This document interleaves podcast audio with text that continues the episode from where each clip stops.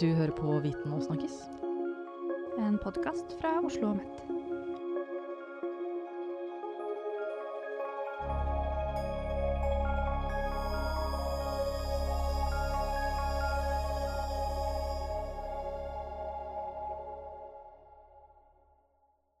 Hei, mitt navn er Julie Solvin Jacobsen, og i dag skal vi prate om fake news og alternative medier.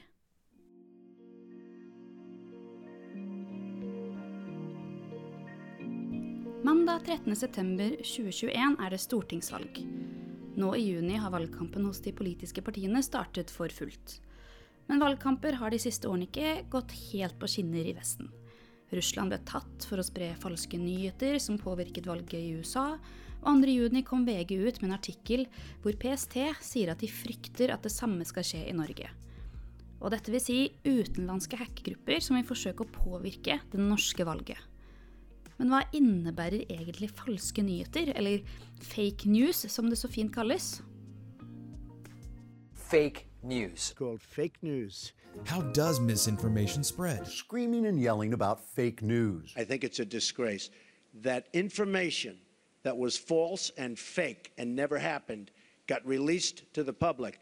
As far as BuzzFeed, which is a failing pile of garbage. Jeg spurte Sten Stenesen. Han er professor ved Oslo OsloMet, og for tiden er han gjesteprofessor ved Bournemouth University i England. Han leder også det internasjonale forskningsprosjektet Source Criticism and Meditator Disinformation, finansiert av Norges forskningsråd. Ja, altså I utgangspunktet er det jo ganske enkelt. Det er jo nyheter som ikke er sanne. Eh, men så er det kanskje ikke så enkelt allikevel. Fordi hva som er sant og ikke sant, er jo noen ganger, eh, og ganske ofte egentlig, vanskelig å vurdere. Eh, og så er det sånn at begrepet falske nyheter brukes om ganske mye. Det er ganske sånn uklar forståelse av hva det egentlig er. Det brukes om alt fra misforståelser til litt upresise påstander til uh, ting som er direkte løgn, og fabrik fabrikkerte påstander, til journalistikk som har kanskje litt skjeve eller spekulative vinklinger. Det brukes om konspirasjonsteorier, om propaganda, om reklame. Og så brukes det også mer og mer som en hersketeknikk.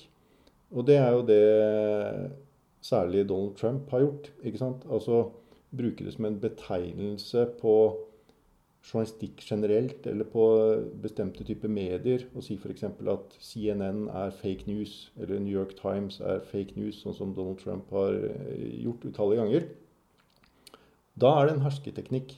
Da er det en måte å diskreditere en person eller en motstander eller en institusjon på. Så begrepet, selv om det i utgangspunktet høres veldig enkelt ut, det er jo bare falske nyheter, så brukes det om utrolig mye de som sprer falsk informasjon med vilje, eh, hva tenker du er deres mål? Det er i hvert fall to ganske sånn klare mål som er mulig å identifisere. Det ene er et rent sånn kommersielt mål. Altså at man ønsker å etablere en virksomhet som tjener penger. Og at måten man gjør det på, er å produsere masse eh, usanne historier som er enten av en sånn karakter at de er så fantastiske at folk klikker seg inn på dem, selv om de er løgn. Eh, og at man dermed genererer mye klikk og får trafikk til sin side, gjør, som gjør igjen at man tjener reklamekroner og tjener penger. Dette er såkalte løgnfabrikker, eh, som det eksisterer mange av. Det eksisterer flere av dem i Norge også. Som eh, ser gjerne ut som journalistikk, og som at det er et seriøst journalistisk medium men som bare sprer løgner og fantastiske historier som ikke er sanne, eh, for, med den hensikt å tjene penger. Så Det er den ene, den kommersielle motivasjonen. Den andre, som kanskje er mer kjent, og som vi snakker mest om, er jo den politiske. Altså at noen ønsker å oppnå eh, en politisk gevinst. Eh, ønsker å få, få oppslutning om et bestemt politisk synspunkt, eller ønsker å influere eh, politikk i et annet land, f.eks. Eh, og det, vi jo har, det det har vært mye oppmerksomhet på, er jo særlig hvordan eh, Russland driver en type propaganda i sosiale medier. Det ble jo kjent i det amerikanske valget i 2016. Eh, hvordan da eh, eh, russere brukte sosiale medier bevisst for å spre falske påstander eh, og få mest, flest mulig amerikanere eh, overbevist om at noe var sant som ikke var sant. Som da hadde en direkte effekt på valget i USA. I hvert fall tyder mye på det.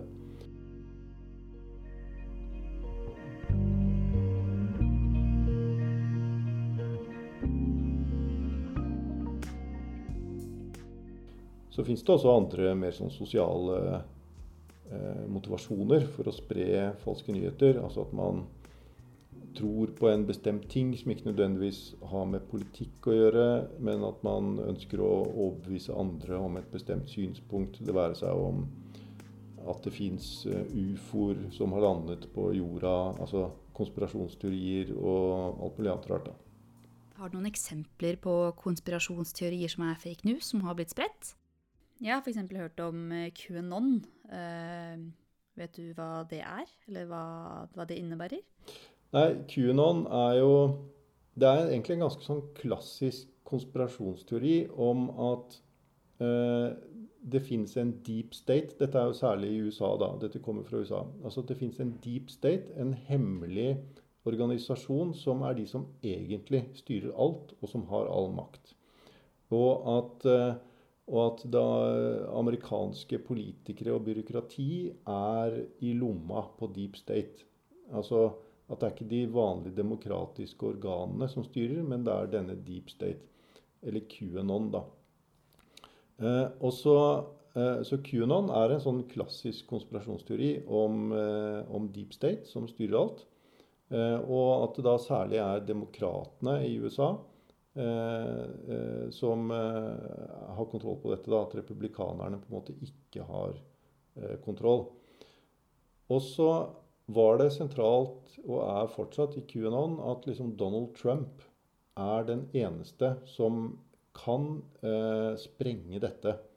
Han er på en måte en aktør som ikke er involvert i deep state, og som er den eneste politikeren man kan stole på som ikke er involvert i dette, og som kan bekjempe det. Så QAnon har en ganske sånn sterk connection med Donald Trump. Eh, og det er vel også derfor at Donald Trump aldri selv har gått ut og sagt at QAnon ikke er eh, sant, eller er en konspirasjonsteori. Han har liksom holdt en litt sånn avstand til det. Det er litt interessant med QAnon, for det begynte i et, i et ganske sånn lukket og veldig nisjepreget og sært amerikansk eh, fora som heter 4chan.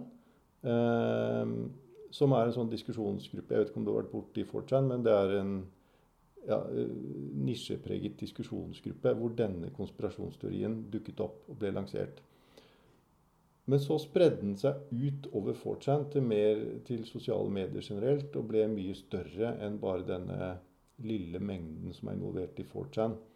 Eh, og, og, og det, altså et medium som 4chan, der eksisterer det masse konspirasjonsteorier hele tiden. Veldig ofte ganske sånn høyrepopulistisk orientert. Eh, men det er ikke så mange av de konspirasjonsteoriene som på en måte får et større publikum og når ut over 4chans grenser.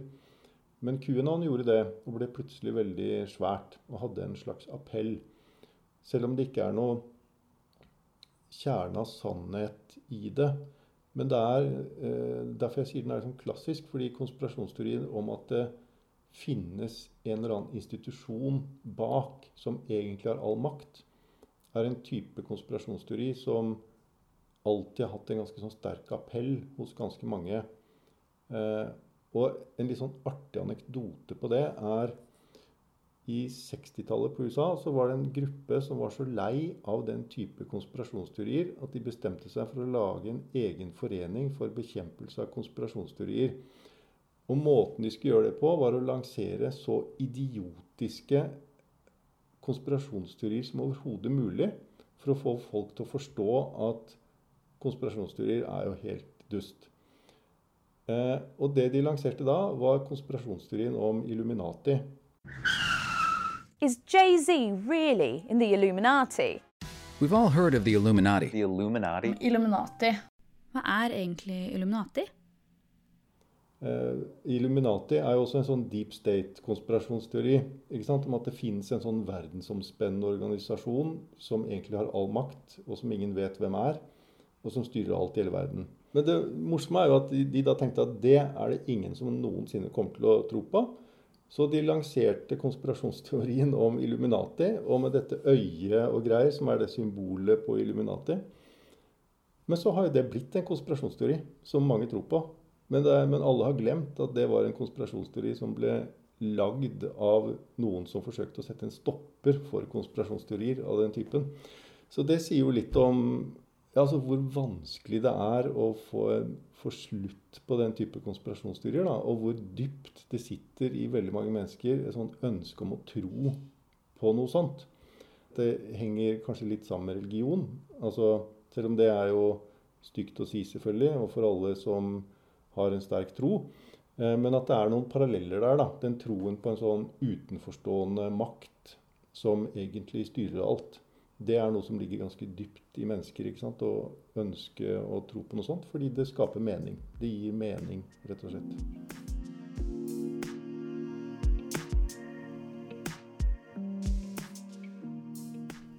Videre snakket jeg med Caroline Andrea Ilebekk.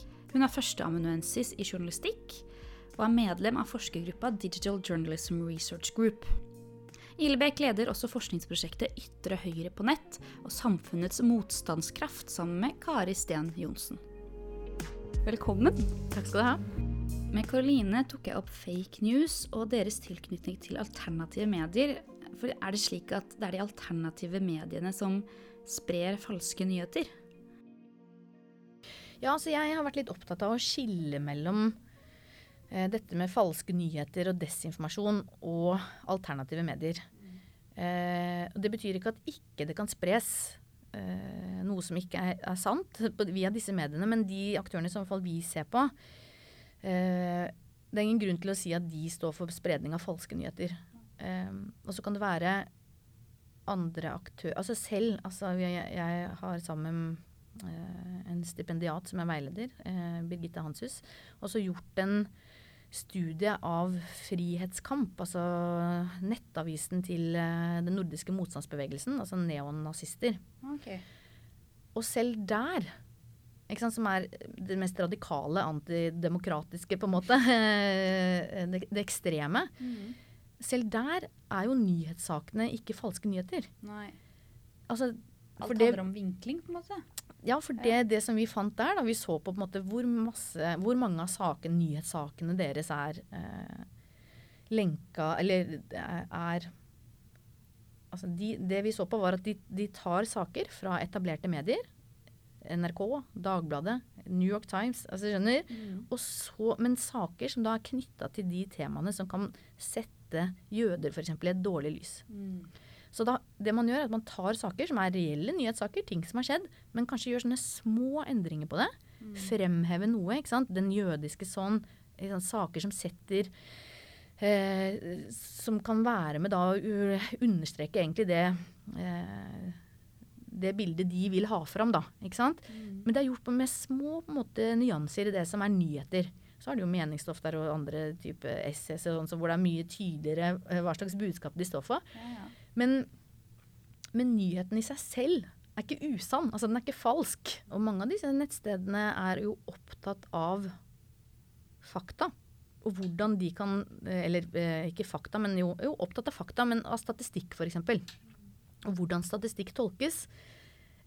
Eh, det er jo også på en måte Statistikk kan jo tolkes på mange forskjellige måter. Så um, men når vi har gjort intervjuer nå med de som leser alternative medier, så er de faktisk veldig opptatt av akkurat det spørsmålet.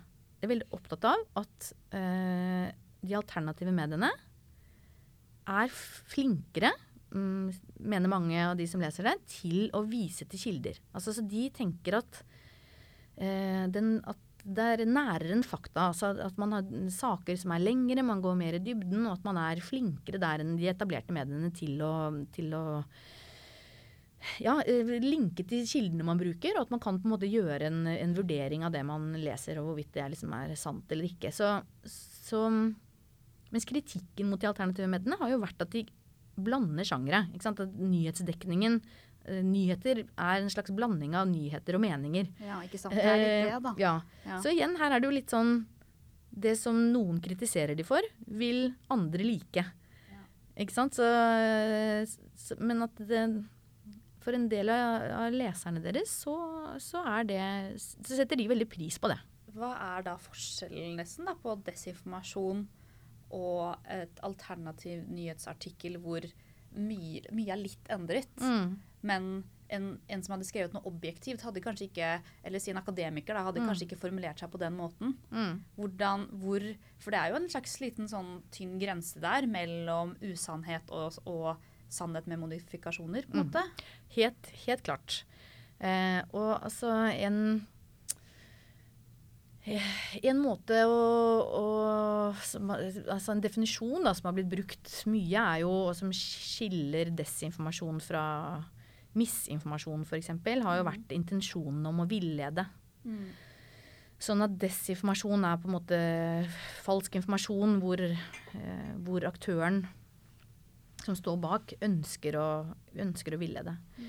Så sånn sett så kunne man jo sagt at det var en slags form for desinformasjon fordi man ønsker å villede eller villede leserne eh, til å tro på et budskap om eh, at jødene står bak eh, eh, Er mektige å stå bak. Ikke sant?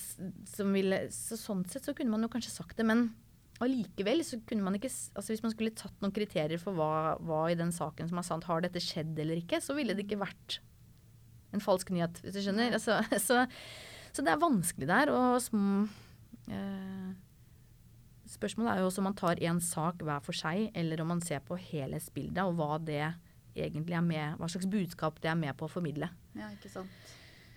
Så der, og, men der er det også viktig å skille mellom de som er ekstreme aktører og de som er mer eh, moderate, da. Så føler jeg også som det fake news-uttrykket som Donald Trump var med på å liksom skape nesten i 2016. Um, hvordan det da ble et vanlig uttrykk, og han pekte på mainstream media og ropte fake news, på en måte. Mm. Uh, hva tenker du om, om det? Hvordan alternative medier ser på liksom alt mainstream som, som falskt, da? Ja, og det er jo også et problem med det begrepet falske nyheter, selvsagt. At én en ting er eh, Altså at det blir brukt på ulike måter. Misbrukes. Ja, det også, har også blitt brukt som en liksom, politisk strategi, eller en strategi for å sverte, sverte de etablerte mediene. Um, så, så det er klart at uh, ved å sverte de etablerte mediene, så oppstår det jo på en måte en slags stillingskrig. Da? Hvem er det som på en måte har makten til å representere sannheten, eller eh, det mest troverdige? Eh, og vi har jo ikke sett altså det er også her tror jeg er viktig å skille mellom på en måte altså Det som skjer i USA, er nå én ting, og så har du på en måte den norske konteksten som er, som er veldig annerledes. Og, Men likevel blir påvirket da, av ja, det som skjer? Ja, det blir vi jo definitivt. Men det, det som jeg syns er interessant da med den bruken av falske nyheter der, er jo egentlig hva slags type mediekritikk det egentlig rommer. Mm. sant? Hva er det Hva er det aktører på, på høyresiden, eller ytre høyresiden, som viser lav tillit til de etablerte mediene? Hva er det de er kritiske til? Og um, og da er det jo klart, altså det kan være nyttig å ha en sånn uh, frontfigur som Trump, som, eh, som alltid snakker i store bokstaver, og som uh, på en måte gjør store kategoriseringer, da. Eh, og det gir jo på en måte litt sånn vann på mølla til aktører på ytre høyresiden i Europa og, og også i Norge til å bedrive mediekritikk og sette søkelys på det man tenker at eh, de etablerte mediene gjør feil eh, og hva de representerer, da, som ofte er en sånn kulturelite eller en venstreelite. At det er nære, nære bånd. Og det er klart Noe av kritikken som kommer mot de etablerte mediene, skal man også ta seriøst. Altså Mediekritikk er helt nødvendig i et demokrati. Så spørsmålet er på en måte hvordan den kritikken best formidles. Eh, og eh, når Trump gjør det, så er det jo en slags eh, sånn sveip over alle som kan svekke tillit til journalistikken som en institusjon. Og det er jo, det er jo på en måte bekymringsverdig da, ikke sant? og problematisk. Hva tenker du om eh, økningen av alternative medier og tilhengerne der? At det blir flere og flere som uh, som leser disse mediene og, og, tar det til seg. da. Mm. Og, tenker du det er bra, eller er det dårlig, eller Ja, altså det, det, det, det man ser da, er jo egentlig at lesertallene til de alternative aktørene holder seg ganske stabil. Mm. Uh, I de årene det har blitt målt, som jo ikke er så mange. Tre, tre år, kanskje. Tre-fire år. Um, og i utgangspunktet så tenker jeg, eller mener jeg jo, at det er veldig viktig at man har et mangfold av ulike medier. Og at det har nok vært eh, At det har tydeligvis vært også et behov der. Det som er litt spennende nå, er jo også i forhold til at mange eh, Altså i sammenheng med at mange av de etablerte mediene har stengt kommentarfeltene sine. Eh, og mye av debatten er liksom flytta over på Facebook, men at man har liksom gått bort fra den type involvering så fyller de etablerte mediene, nei, de alternative mediene til et slags tomrom. Og det, det, kan jo være viktig for folk å debattere. Eh, saker som de, er, som de, er, opptatt av å, å føle At de får sagt eh, sin mening, får sagt sin mening. Ja. Eh, og så er det jo på en måte, ikke sant, hva, hva kreves for å tilrettelegge for en god debatt, eh, f.eks. Altså, Sånn at sånne type kommentarfelt også kan utvikle seg til å bli ganske grusomme. Eh, så det hviler jo på en måte et stort ansvar da, på de som tilrettelegger. Og her har jo da spesielt eh, Resett fått mye kritikk. Eh, og, og, har prøvd å gjøre ting med, med kommentarfeltene sine, men det er, det er, en vanskelig oppgave. Og jeg altså, har jo også forska på kommentarfelt eh, i de etablerte mediene tidligere. Og det er jo masse av den samme kritikken som går igjen nå, hvor man tidligere aktører som, som, Dagbladet og VG forsvarte kommentarfeltene og alt som foregikk der. At det skulle være en fri arena. Eh, så har man gått bort fra det igjen.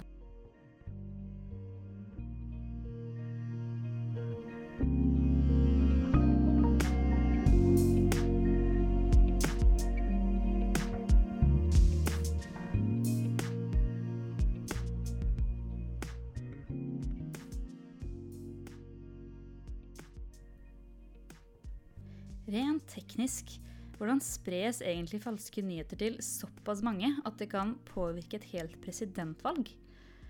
Er det noe vi som samfunn kan gjøre for å forhindre denne trusselen mot demokratiet? Sten Stenesen tok dette opp. Plattformselskapene som Twitter og Facebook og Instagram og alle andre har jo en rekke ulike muligheter for hvordan de modererer innhold. Eh, det mest ekstreme er jo å fjerne folk, sånn som de gjorde med Trump. ikke sant? Mindre ekstremt er å begynne å merke innhold, sånn som særlig Twitter gjorde, og også Facebook, men særlig Twitter først. Merke Donald Trumps tweets med at innholdet i denne tweeten er eh, ikke nødvendigvis sant, og, og, så lenke til annen informasjon. Eller de fjernet rett og slett hele tweeten og skrev at innholdet i denne tweeten er så omstridt at vi velger å fjerne den. Sånn at man aktivt måtte klikke seg inn for å kunne se den. Så legge sånne begrensninger da, på kommunikasjonen og varsler på kommunikasjonen. Det er ikke fullt så strengt som å rett og slett fjerne den. ikke sant? Eh, og så er det jo kanskje det som jeg syns er mest interessant, er det som har med den mer skjulte modereringen, altså hvordan algoritmene til Twitter og Facebook og Instagram faktisk virker. Altså hvordan de algoritmene promoterer et visst type innhold over annen type innhold. Og der eh, har vi jo mye mindre kunnskap, for det er mye mer skjult. Det er i mye større grad forretningshemmeligheter. Eh, og vi vet ikke så mye om hvordan de algoritmene virker. Fordi Facebook og Twitter og de andre er ikke åpne om hvordan de algoritmene virker. I hvert fall ikke på et detaljplan. Det vi jo vet, er at de algoritmene virker på en sånn måte at de promoterer innhold som eh, genererer engasjement. Og hva er det som genererer engasjement? Jo, det er gjerne kontroversielle påstander, f.eks. eller ytterliggående politiske synspunkter. Det genererer engasjement. Det får masse kommentarer, eh, masse likes og dislikes. Og da dyttes det oppover i hierarkiet av algoritmen. Fordi eh, det er det Facebook og Twitter ønsker. Det er jo å skape mest mulig engasjement, sånn at flest mulig bruker deres plattform. Eh, og der tenker jeg at eh, sosiale medier-selskapene har et mye større ansvar enn det de så langt har vært villige til å ta med å endre og moderere algoritmene sine, slik at det er annet type innhold som blir spredd mer, eh, og at eh, kontroversielt og potensielt splittende innhold blir spredd mindre. Det har de foreløpig ikke vært villige til å gjøre i den grad som jeg tenker at de burde gjøre da. Du kommer ikke utenom at Twitter Det er bare Twitter som kan endre sin algoritme for hvilke tweets som spres, hvor langt og til hvem, og på hvilken måte. Det er bare Facebook som kan endre sin algoritme. Eh, og, og, Problemet med dette er at her blir det veldig tydelig at det er to hensyn som kolliderer det kommersielle hensynet. Altså Facebook og Twitter og de andre er jo kommersielle selskaper hvis fremste mål er å tjene penger for sine eiere. Eh, samtidig så er de så svære at de er viktige samfunnsinstitusjoner. Som betyr at de må også ha et samfunnsansvar og ta det ansvaret. Og akkurat når det gjelder den algoritmen, så kolliderer de to hensynene. Fordi samfunnsansvaret tilsier at de skal minimere den type skadelig innhold som engasjerer masse. Eh, mens det kommersielle hensynet sier at de skal vri algoritmen for at den type innhold blir spredd mest mulig. Fordi det genererer mest mulig penger til dem. Eh, og det er bevegelser absolutt eh, til at de vrir algoritmen, og at de ser dette problemet selv. Eh, men der mener jeg at Eh, de er nødt til å ta et enda større ansvar enn de gjør. Så kan man kanskje si at ja, det kan utøves press fra myndigheter på at selskapene skal gjøre det. Skal vi kanskje operere med en slags regulering av sosiale medier, slik vi gjør av allmennkringkastingsinstitusjoner f.eks., som NRK, som jo har en lisens eller konsesjon for å drive med visse vilkår osv. At de skal oppfylle det og det og produsere så og så mye av så og så mye innhold og sånn. Eh, man kan tenke seg løsninger med sånn type reguleringer også av sosiale medier. Eh, det er nok vanskelig, fordi du kan ikke få en sånn regulering på globalt plan. Det fungerer jo bare på nasjonalt plan. ikke sant? Så eh, jeg kan ikke se at det finnes en god løsning på det, eller at den type regulering er på en måte realistisk å få til. da. Men det å utøve politisk press på selskapene for å ta et større sosialt ansvar, eh, er jo i hvert fall viktig.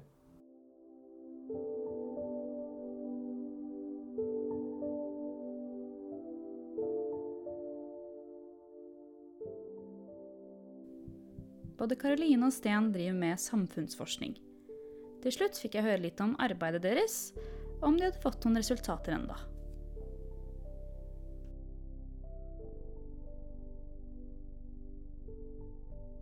Kan du fortelle litt om eh, forskningsprosjektet Frekso? Ja. Frekso er et eh, forskningsprosjekt eh, som står for Far Right Politics Online and Societal Resilience. Um, så det er et, et, prosjekt som har fått støtte fra Forskningsrådet. Og er et samarbeid mellom forskere fra Universitetet i Oslo, eh, Senter for ekstremismeforskning der, eh, Institutt for samfunnsforskning og Oslo OsloMet. Så vi er flere forskere som eh, jobber sammen om noen eh, problemstillinger. Eh, og hvor jeg og min kollega Tine Ustad Figenschou jobber med prosjekter om alternative medier. Og når du sier at du jobber med det, hva, hva vil det innebære? Hva, en vanlig dag for deg, da. Mm. Hva gjør du da? Ja, altså det er ulike studier som skal gjøres i det prosjektet. Så det eh, tar for seg både de som eh, aktører som produserer innhold, Eh, og som spres på nett eh, mest. Hva slags type nettverk og hva slags type innhold som produseres. Så eh, en side av prosjektet handler om å studere disse aktørene. Hva gjør de, hva produserer de, hva er motivasjonene, hva slags nettverk befinner de seg i. Eh, og så er det noen andre studier i prosjektet som ser på mottakersiden. Så det er både de som eh, konsumerer den slags type innhold, de som eh, opplever at de blir angrepet eh, av den type aktører. Um, så det er ulike studier som gjøres. Men eh, for min del nå så har, det, har jobben bestått av å både intervjue folk som eh, er involvert i alternative medier eh, i Norge. Eh, vi skal også gjøre intervjuer i Sverige og Danmark, for det er et sånn komparativt eh, prosjekt. Eh, og så har jeg også akkurat nå utført intervju med lesere av alternative medier, også nå i første omgang i, i Norge.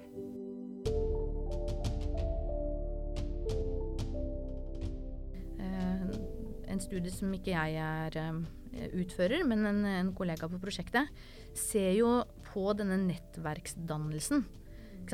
Med ulike, med ulike, aktører og hvordan de opererer på nett, og også da med disse alternative mediene. Så det kan jo på en måte være sånne grupperinger som Stopp islamiseringen i Norge og deler de saker fra, fra alternative medier. Er det politikere involvert? Hvordan fungerer disse nettverkene rundt? Mm. Og det kan jo det tenker jeg er viktig for å se på, på måte, hvordan man klarer å sette agendaen på nett. Hvem er det som snakker med hvem? Eh, hvem er det som, eh, som, hvordan fungerer disse nettverkene? For det er jo et samspill, som du sier. da, At ja. liksom uh, alt påvirker hverandre. Mm. Og hvis, hvis uh, jeg som er, sier jeg er trofast, trofast leser av dokument, mm. uh, og jeg ser at Stopp islamiseringen av Norge deler noe fra dokument, mm så kan jeg tenke oi, stopp islam islamiseringen av Norge er noe for meg. Mm. De deler ting som jeg er enig i, mm. på en måte. Og så baller det på seg, på en måte. Mm. Ja, så, så, så, sånne ting da er vi interessert i å finne ut av i dette prosjektet. Hva er det som skjer på en måte? Hvorfor flytter folk seg? Hva er det som skjer med disse nettverkene?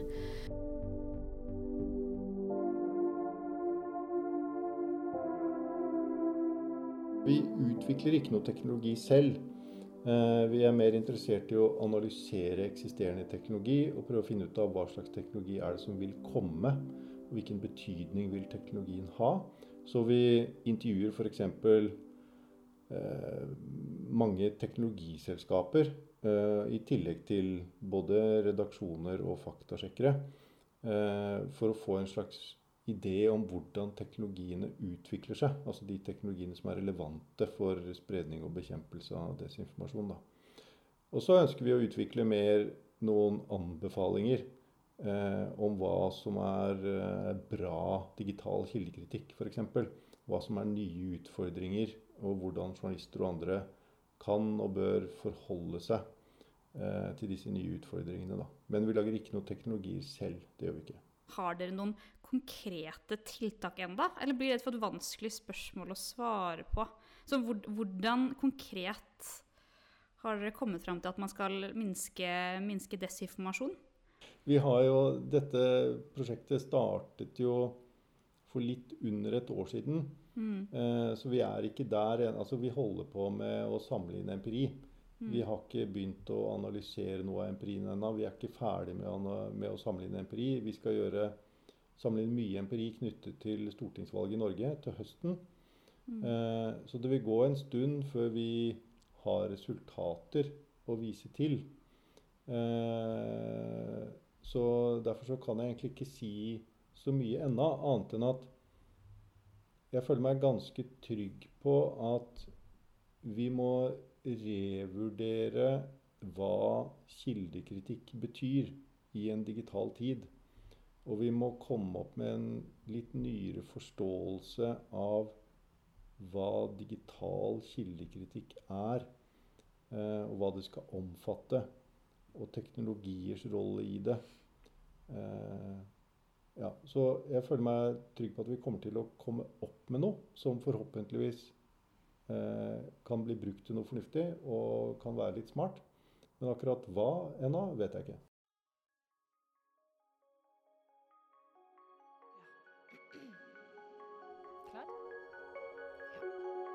Du hører på Viten og snakkes. En podkast fra Oslo og Met.